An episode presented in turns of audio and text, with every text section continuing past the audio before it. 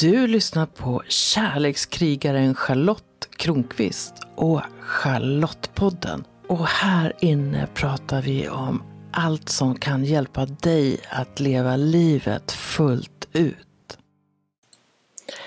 I det här avsnittet av Charlottepodden så ska du få möta Annika Anderbark. Och jag inser att hon och jag har känt varann i 20 år. Och jag kan säga att det har runnit mycket vatten under broarna i båda våras liv.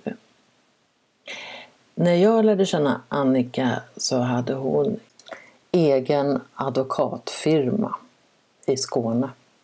Idag bor hon i Billesholm och är författare. Och det är mycket som har hänt däremellan. Hon kallar sig också cykelinfluencer. Och hon har varit med om att gå i väggen, att ha psykisk ohälsa och sen har hon studsat upp igen och igen och igen och igen. Det finns så mycket energi i Annika så det förvånar mig inte ett dugg. Även om hon idag måste vara lite mer försiktig med hur hon använder energin. Hennes respons på stress är nämligen att jobba ännu mer. Så nu händer det faktiskt att Annika säger nej till olika uppdrag. Jag mötte Annika hemma i Billesholm i början av sommaren. Coronapandemin var oerhört påtaglig där. Alla höll avstånd i hennes mans cykelaffär. Och vi satt en bit ifrån varandra och genomförde det här samtalet. Och det jag var särskilt nyfiken på det var hur det kom sig att Annika valde att skriva om trolldomsprocesser i Älvdalen. Ja, du kanske är mer van vid ordet häxprocess och det var ju jag också. Men Annika som har läst urkunder från den tiden vet att man inte använde ordet häxa eller häxeri på den tiden. Det är någonting som vi under senare tid har uppfunnit eller det är så vi har börjat kalla de här eh, kvinnorna som var med i de här trolldomsprocesserna. Och Annika, när hon går in för någonting så gör hon det med hull och hår. Så hon har en hel planerad bokserie. Första boken är redan utgiven och hon vet ungefär vilket innehåll hon ska ha. Hon håller sig nära verkligheten i boken, använder ett poetiskt språk. Och hon får vara långt ifrån det sättet att uttrycka sig som hon har när hon bloggar eller syns på Instagram e- eller i andra sociala medier. Nu har hon fått ta in sig själv och naturen och kärleken i den här berättelsen. Så möt mig tillsammans med Annika Anderbark i ett samtal om skrivande, inspiration, kärlek och meningen med livet. Jag sitter här med Annika Anderbark som är författare. Hon älskar att cykla och hon har en lång karriär som advokat bakom sig också. Tack för att jag får komma hit. Tack för att du ville komma hit. Vi har ju känt varandra i över 20 år och det som förde oss tillsammans var ett program för kvinnor som heter Våga växa. Om du bara tänker på det lite grann, vad gav det dig? Och det förändrar hela mitt liv. Alltså verkligen. Eh, så här i efterhand, om jag tittar på det, så var det där jag fick syn på mina verkliga drömmar i livet. Och där började jag, liksom, i de här drömmarna, vad vill du göra och, i ditt liv? Då har jag skrivit, jag ville skriva en bok. Och det var ganska så överrumplande för det stämde ju inte alls överens med de planerna jag hade för livet. Och nu har jag gjort det. När du valde tema för dig som författare, hur hände det? alltså, jag valde inte tema. Temat valde mig.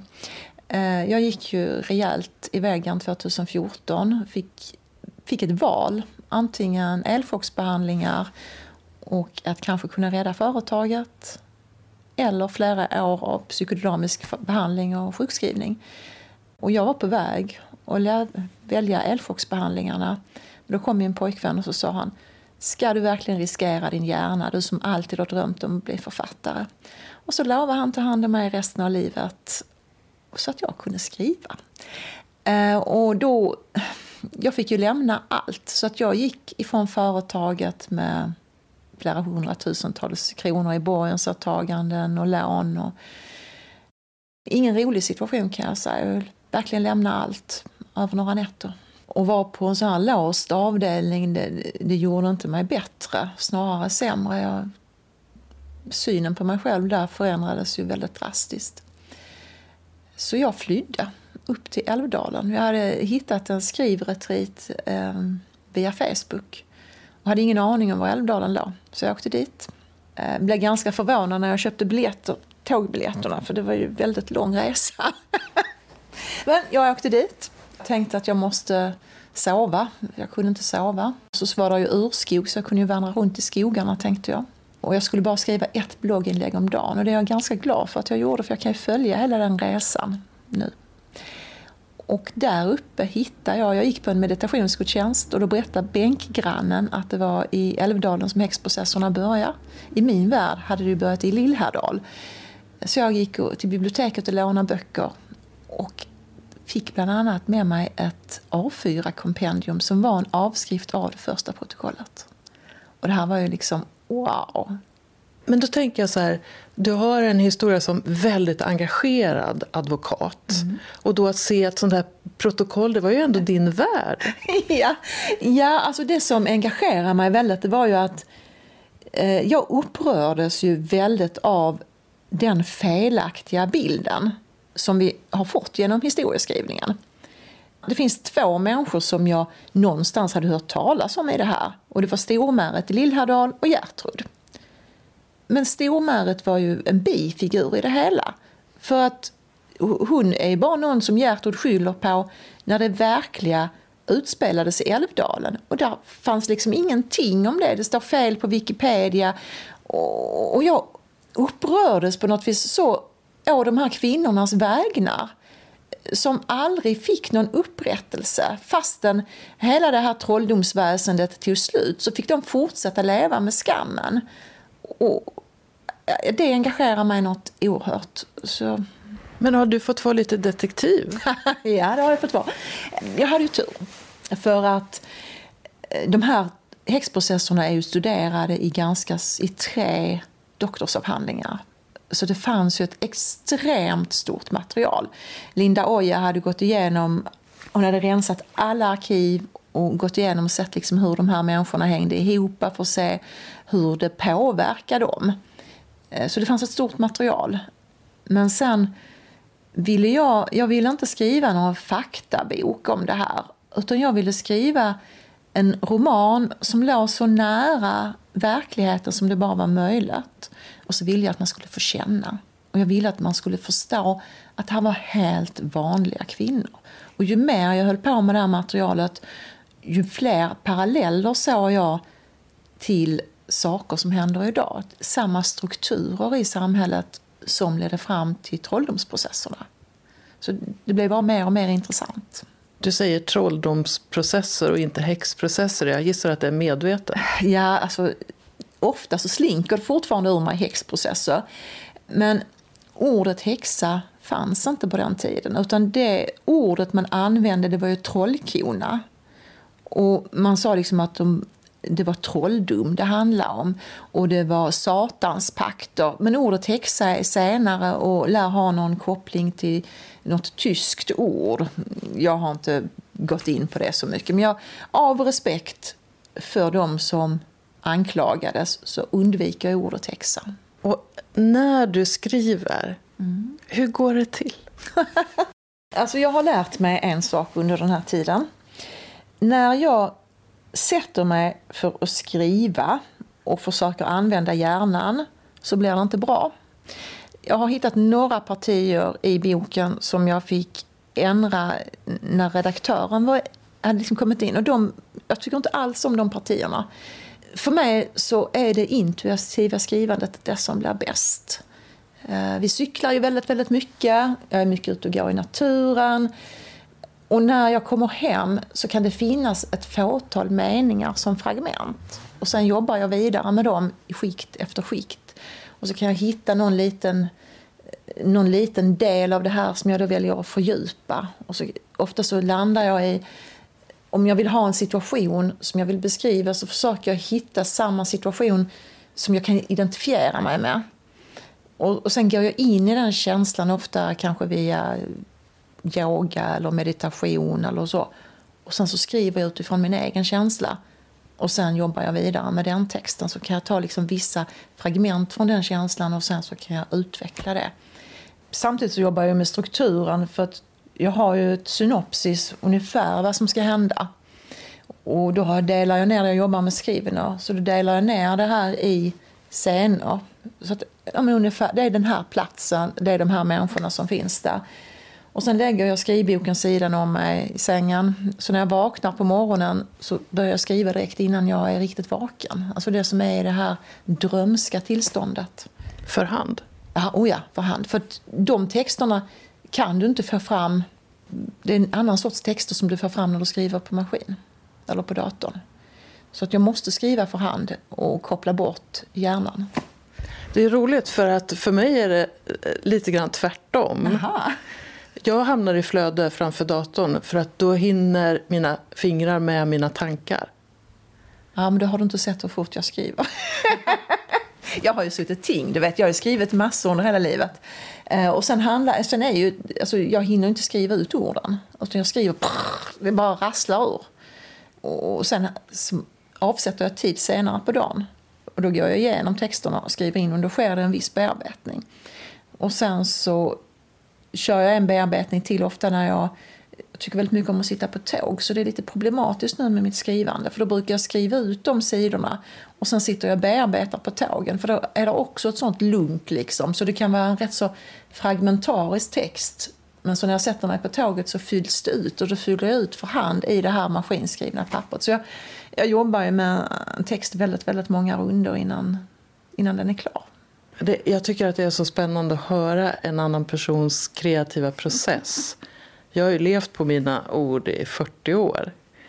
Så idag eh, litar jag väldigt mycket på det. Och jag är ju, min utgångspunkt är ju att jag har varit journalist hela mitt liv och sen skriver jag böcker och bloggar och allting sånt. Men för mig är det ofta som att det när jag är fri, att det, eh, att det känns som att jag får hjälp att skriva någonting. Och jag, bara, jag är som ett verktyg och så bara låter jag det flöda och så kan jag nästan kolla på texten så här. Wow, vad bra det här blev. Jag kan bara hålla med. För min del så ser jag mig som, som en bringare. Och att det finns någonting som jag bara ska se till att hälla ut. Att öppna upp det här flödet. För jag kan känna igen mig, för jag skriver också mycket på nätet i bloggar och sånt. Och då går det väldigt fort, men det är en annan sorts texter. Det är en text som är mer lik den jag skrev som advokat. Alltså, när jag skrev, min bok är ju ganska så prosalyrisk. Det här försöker jag ju gestalta en annan tid i, i Oväsen i Älvdalen. Och jag, jag vill ju vara ett med naturen. Så det är ett helt annat språk. Det är inget språk som, som jag har i mig själv på något sätt. Det, jag kan inte riktigt förklara. Men, eh, till exempel de här fängelsescenerna som jag skulle säga är det bästa i boken. Eh, de skrev jag efter en meditation när jag varit på Kapellagården. Så vi hade gjort olika vägledda meditationer och då kom alla de här scenerna. Bara så, pff, och så skrev jag bara, det gällde bara att få ner lite grann så jag kunde ha känslan i dem. Och sen jobbade jag vidare med dem. Men där hände ju saker som jag inte alls hade en aning om. Men jag hade ju lagt enormt många timmar innan på att läsa in mig. Jag hade besökt två olika fängelsehålor, jag hade suttit och beskrivit de här olika fängelsehålorna. Och det hade jag ju gjort på bloggen. Så att jag skriver hela tiden på bloggen så att man får vara med om det som är min research. Och då är det ett annat sorts skrivande. Och sen är det som att allt det landar som en bakgrund. Och när jag då kan få sätta mig i flödet, då kommer det bara. Du beskriver en tid för flera hundra år sedan. Och varför är den tiden viktig att berätta om idag? Ja, det finns de som kan förklara det mycket bättre än jag. Det finns en bok som kommer ut nu som heter Dödsblommört. Eh, där har Johanna Willmark dels, hon har tittat på kvinnor i elva generationer i sin släkt. Den äldsta generationen det är en kvinna som blir anklagad för trolldom och döms som häxa. Jag tror egentligen att hon klarar sig. Eh, och sen så är det en kvinna på början på 1900-talet som eh, hamnar i socialens register för att hon lär ha levt ut sin sexualitet på ett sätt som inte var accepterat. Och sen jämför hon då med, med normer i vår tid. Så hon tittar ju på just hur, hur det finns strukturer som har följt med och som vi har svårt att få syn på. Um, och jag kan ju säga, i den boken jag har skrivit så kunde jag ju hitta jag letade i orsakerna. Hur kunde det här hända? Vad var det för samhällsstrukturer som gjorde att man fick den här hysterin när man skyllde på alla och, och så? Och de strukturerna tycker jag att vi behöver få syn på även i vårt samhälle. Det råkar vara så att just nu så följer jag en serie på Netflix som heter Outlander. Mm. Som handlar om en kvinna som kommer tillbaka till 1700-talets Skottland. Och just igår så var det en scen när huvudpersonen och en till kvinna blir anklagade för, då kallar de för häxeri. Mm. Det är en, de är i en kyrka och så är det en hel by, de bara rycks med och liksom brännhäxorna och de har redan gjort färdigt bålen. Mm. Och, och, alltså, det gör ont i hela min eh, kropp när jag tittar mm. på det där. Och sen så, sen så slutar vi att titta på det och sen så tittar vi på nyheterna. Och så ser vi just nu är det aktuellt med en eh, George Floyd, en svart kille i USA som blir dödad av en polis och så blir det eh, visserligen åt, alltså, att man vill göra det bättre för den här gruppen mm. men man ser det här eh, raseriet mm. på något sätt. Det, det, det är ett liknande raseri, vi har det också idag. Och jag skulle ju vilja hitta ett sätt där vi kan komma till sans mm. eh, på något sätt, där vi inte eh, rycks med. Det är säkert bra att man gör saker åt rasismen i mm. USA, det tycker jag är bra, men, men ändå, alltså, varför krävs det här? Funderar du på sådana ja, saker? Ja, det är precis sånt jag funderar på. Eh, jag har ju, vi kan ju bara titta på coronakrisen. Eh, och när den kom så jag reagerade ju över hur många paralleller det var mellan den och trolldomskrisen. Eh, vi ser, eh, om vi tittar på coronakrisen så är det ju någonting som är osynligt och som smittar genom att vi möts. Och tittar vi på trolldomskrisen så var ju det också osynligt. Du kunde inte se, det var ju därför häxeri var ett så allvarligt brott. För att du kunde ju inte se det på dem. Det var ju liksom mystiskt och ett osynligt brott och därför, var det, därför fick du vidta så extrema åtgärder för att komma åt det. Och just när det blir en rädsla så kan allting hända. Och det är väl där jag tycker det är lite...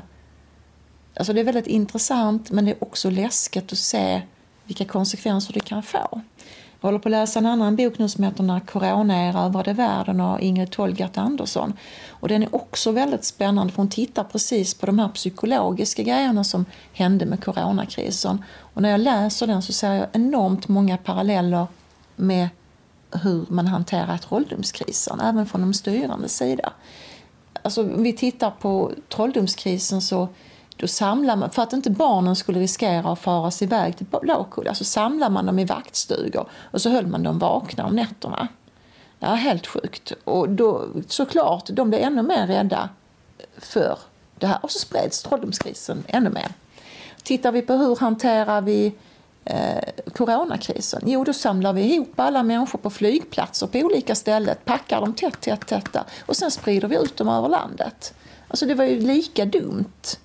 Och just den här man säger, handfallenheten hos myndighetspersoner tycker jag är väldigt intressant. Så jag har sparat mycket tidningsartiklar för bok nummer sex i bokserien som ska handla precis just om myndigheternas hantering av trolldomskrisen. Men där jag kan se många paralleller till hur myndigheterna hanterar coronakrisen. Just det här, man kan agera kontraproduktivt i, under den pressen. Du har ju en högkänslighet hur hjälper den dig i ditt författarskap? Oj, vilken svår fråga. Det vet jag inte. Eh, jag har inte utforskat min högkänslighet ordentligt. Utan det var ju en grej som läkaren på psyk sa till mig. Eh, jag trodde ju att jag var bipolär. Alltså jag trodde ju att jag var knäpp i huvudet. Eh, och då så sa han till mig att du behöver lära dig leva med din personlighet. Eh, och så fick jag ju lite grann av det här med högkänslig. Sen har jag inte brytt mig så himla mycket. Utan jag, vet, alltså jag jobbar snarare på det viset att jag avskärmar mig. För att jag, jag känner in väldigt, väldigt mycket. Eh, jag påverkas väldigt mycket av min omgivning och känner in. Sen om, om det är det som hjälper mig att hitta ner i de här historierna, det vet jag inte. Men det har ju varit, varit väldigt många spännande upplevelser kan jag säga bara på när jag skrev Oväsen det var många, många märkliga sammanträffande där kan jag säga. Jo, men jag tänker också att när du beskriver din, din process, du säger att du har varit på fängelsehålor och så för, för att på något sätt få intrycket i kroppen. Och då kan du, gissar jag, beskriva det bättre, bättre för att du har, man säger på engelska, embodied mm. eh, det. Och jag tänker att det är lättare. Eh, jag är åt det högkänsliga mm. hållet. Så att det är som att jag kan beskriva saker på något sätt inifrån. Mm. Och då tänker jag att de viktigaste personerna i din bok, du kanske kan uppleva dem också inifrån dig. Det har jag gjort. Alltså alla... Den som var svårast att skriva var en flicka som heter Anna. Men notarien var ju väldigt lätt att skriva för det var ju mina egna känslor från tingstiden, min egen frustration och, och eh, cyklingen är ju också en viktig bit när vi, när vi är ut, alltså i själva researchbiten. Eh, för när vi cyklar i naturen så är jag, alltså jag kan välja att vara olika personer. Jag tittar ju på naturen ur olika synvinklar när vi är ute och cyklar. Liksom att är vi i en granskog så kan jag låtsas att jag är är Marit Matsdotter. Så ser jag skogen med hennes ögon och lägger märke till saker med hennes ögon. Och så har jag då några strofer med mig hem när jag kommer hem som jag får skriva ner. Jag tycker att det där är så häftigt. Jag får mycket till mig när jag är i duschen. Mm. Och då har jag eh, en eh, kompis som har varit med på podden för övrigt som jag kallar för energidoktor. Och han jobbar med att man ska eh, få, ner, eller få hjärnvågorna till något som heter alfa. Och det är precis det du har innan du somnar eller precis när du har vaknat. För då är du i ett väldigt avslappnat tillstånd. Det är som vårt drömtillstånd. Och han jobbar med att hjälpa människor att komma dit blixtsnabbt. Det finns metoder för det. Och i duschen, så sa, eh, när jag sa det till honom, så sa han att det är inte konstigt att du får dina idéer i duschen. För det är avslappnande, man får varmt vatten över kroppen och då kommer man ner i det här, eller om det är ner eller upp, vad det nu är. Man kommer till det här mm. att hjärnan går, får alfahastighet, alfavågor. Och ja, det bara rinner till, skulle man kunna ja. säga.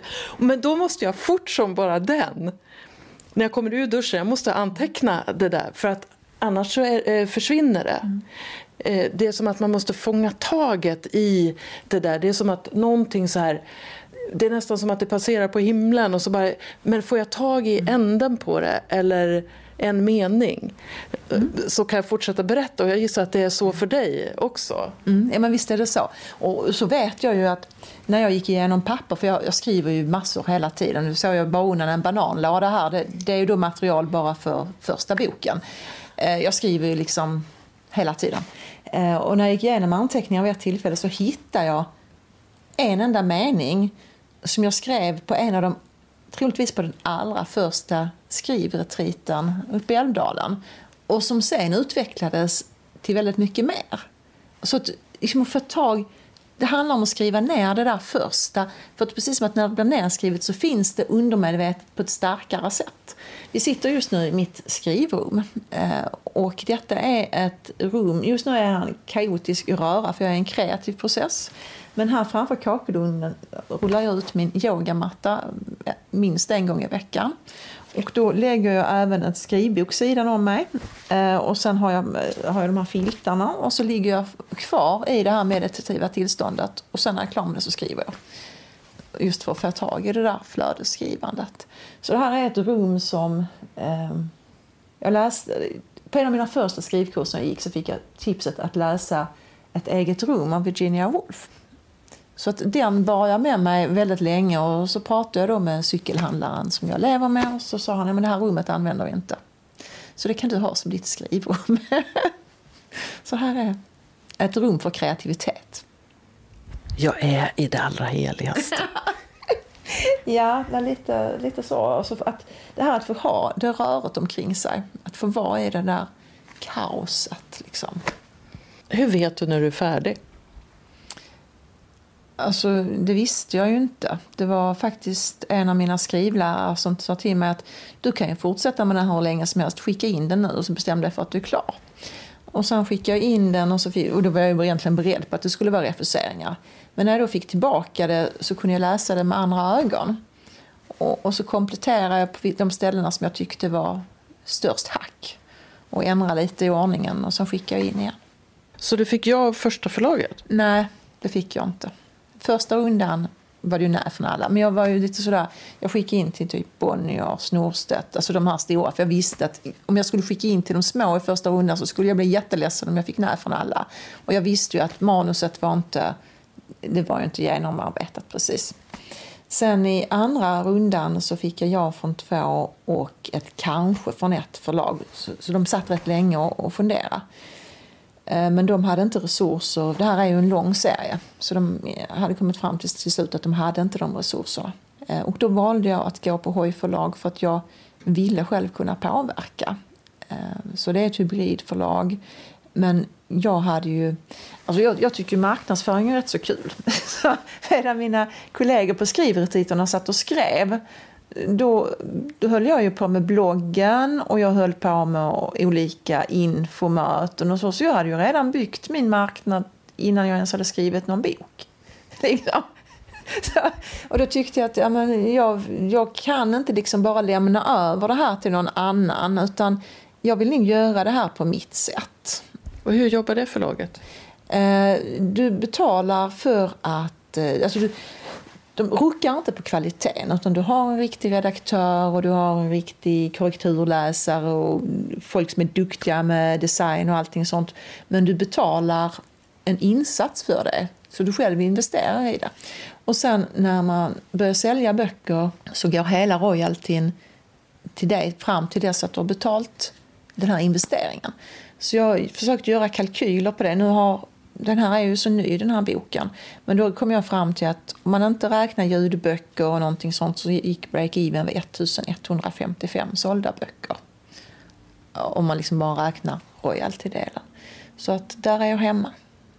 Grattis! Ja. Och det här är ju, alltså detta är ju det som håller, håller mig vid liv, om man ska säga. Ehm, jag sa ju det att jag var väldigt nära att ta mitt liv då, 2014.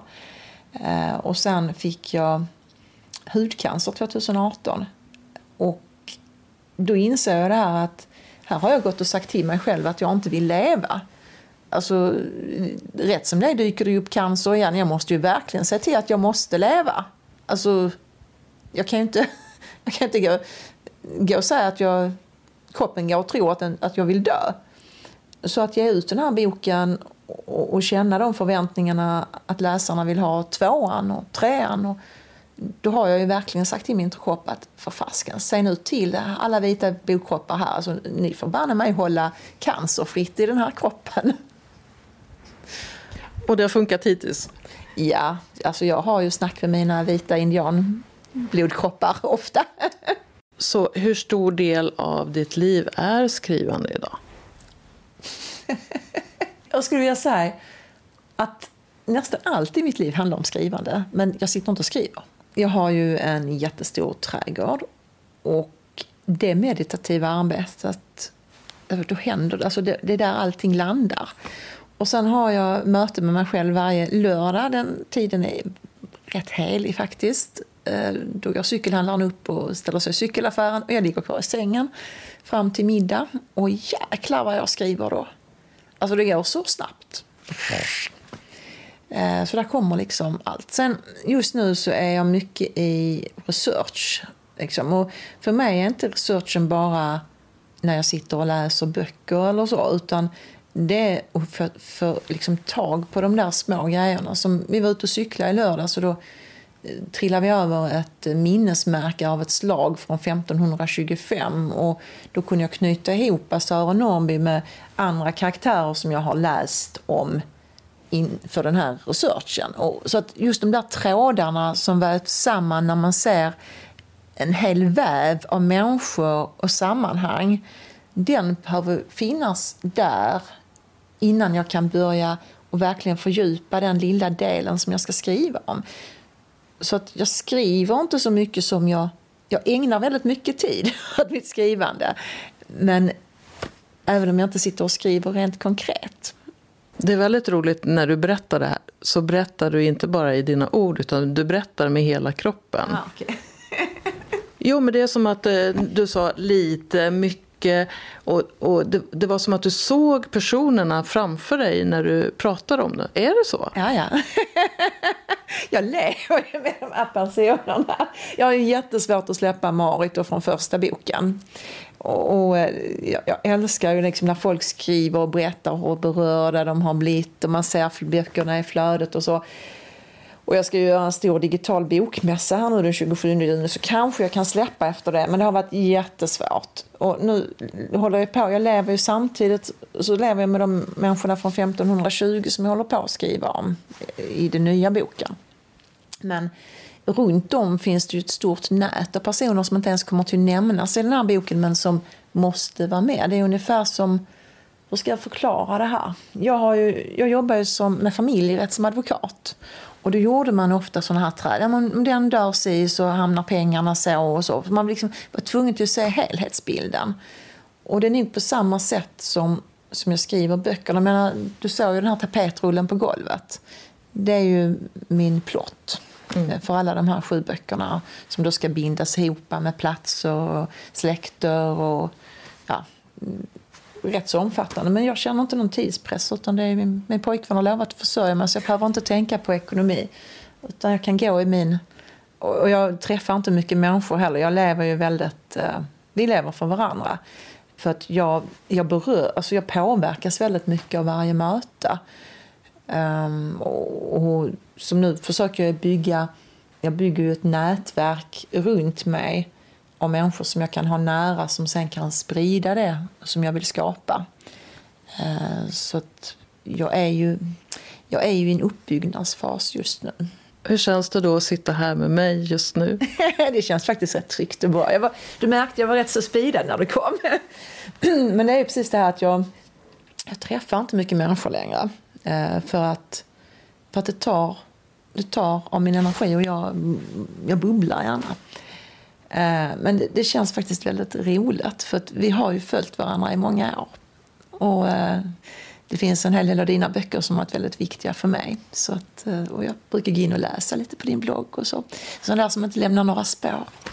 Vad det gäller mitt, mitt skrivande så tror jag att det, att det är väldigt vanligt att det är att det är många som går in och läser utan att lämna spår. Mm. Bara för att jag skriver både om sexualitet men också om djupa saker som mm. handlar om det som är viktigt i livet. Och det kan kännas väldigt sårbart att ens ja, att visa upp mm. det. Så jag tror att jag har en, en hemlig, en hemlig fanclub. ja, och då tillhör jag dem. Som brukar vara inne och kolla lite då och då. Men du, vad är nästa steg då? Vad, vad kommer nästa, när kommer nästa bok? Alltså min planering är ju att den ska komma i mars 2022. Det är ju planen. Men när den kommer vet jag inte. Det kan vara senare, men jag har liksom programmerat in det. Så att jag jobbar ju rätt ofta så att jag säger till mig själv Alltså när jag läste juridik, jag började med det här när jag läste juridik. Så när jag började där och liksom fem års studier, då satte jag mig och gjorde en plan så att jag skulle kunna bli klar på fyra. Och så följde jag, jag blev klar på, i april när det var, så det tog inte ens fyra år. Men det är lite grann samma sak, alltså jag säger till mitt undermedvetna, så här ser tidsplanen ut, sen så släpper jag det. Så att jag har redan till mitt undermedvetna, jag har skrivit in i kalendern att jag ska åka upp till Älvdalen efter Lucia. Och sen så ska jag vara där fram till nyår. För att den här boken, de viktigaste scenerna utspelar sig just kring årsskiftet. Och, och då har jag tänkt att jag ska vara så långt kommen så att i princip ska vara färdigt. Vad spännande. Hur, du, hur stor upplaga tryckte ni upp av den första? 2500. Så att det är inte någon jätte, jätteupplaga, men mer än vad man brukar göra som debutant. Och ja, det tar på det rätt rejält. Alltså, när jag jobbade mycket åt Liber, jag har ju varit redaktör för 100 fackböcker. Oj. Och eh, då, då var normal eh, upplagan 1200. Så. Då var det ju jättemycket jag tryckte ja. upp. Ja. ja, men den har sålt faktiskt över förväntan. Det, eh, jag får ju sådana här försäljningsrapporter. Så, eh, och de har lagt in nu att man det finns även print on demand-upplaga nu i Adlibris och så. Eh, så vi får väl se. Jag... Ska du läsa in den? Den är redan som ljudbok också. Aha, vem läste in den nu? Ja, jag har glömt namnet, men, eh, men inte jag. inte det. Men det kommer, det kommer väldigt mycket mer nu här framöver. För jag har, eftersom, man, eftersom jag jag vill ju inte vara ifrån min pojkvän alldeles för länge nu i de här tiderna. Eh, om man inte kan lita på kollektivtrafik och sånt ordentligt. Så därför så har jag anlitat Anna Wild, så hon gör eh, rätt mycket av min research till nästa bok. Så hon befinner sig just nu uppe i Älvdalen och eh, letar efter Vanornas rike, som är jättespännande. Och samtidigt så håller hon på att göra en audioguide och en CD-skiva där vi kombinerar musik och hennes mer konstnärliga uppläsningar. Vad spännande! Då får vi se. Nu, när vi sitter just här just nu så är det första juni 2020. Så det ska bli spännande att se. Mm. Tack för att jag fick komma hit Annika. Tack själv. Jag kommer ihåg när jag började lära känna Annika Anderberg långt innan hon hette hette Annika Anderberg. För det är också en förvandling hon har gått igenom. Vilket också gäller mig som har hunnit byta efternamn två gånger sedan hon och jag lärde känna varandra. Men du kanske kan känna en del av den här eh, snabba energin hon har, den här entusiasmen hon har. Ja, det är verkligen härligt att vara en stund i Annikas sällskap och sen komma ut i hennes blomstrande trädgård. Och blir du nyfiken på böckerna om trolldomsprocesserna i Älvdalen så bara gå in på HI förlag eller på vilken nätbokhandel som helst och sök på Annika Anderberg så hittar du vad du söker. Det är 2020, hösten smyger sig på. Folkhälsomyndigheten kommer fortfarande med rekommendationer som har med coronapandemin att göra.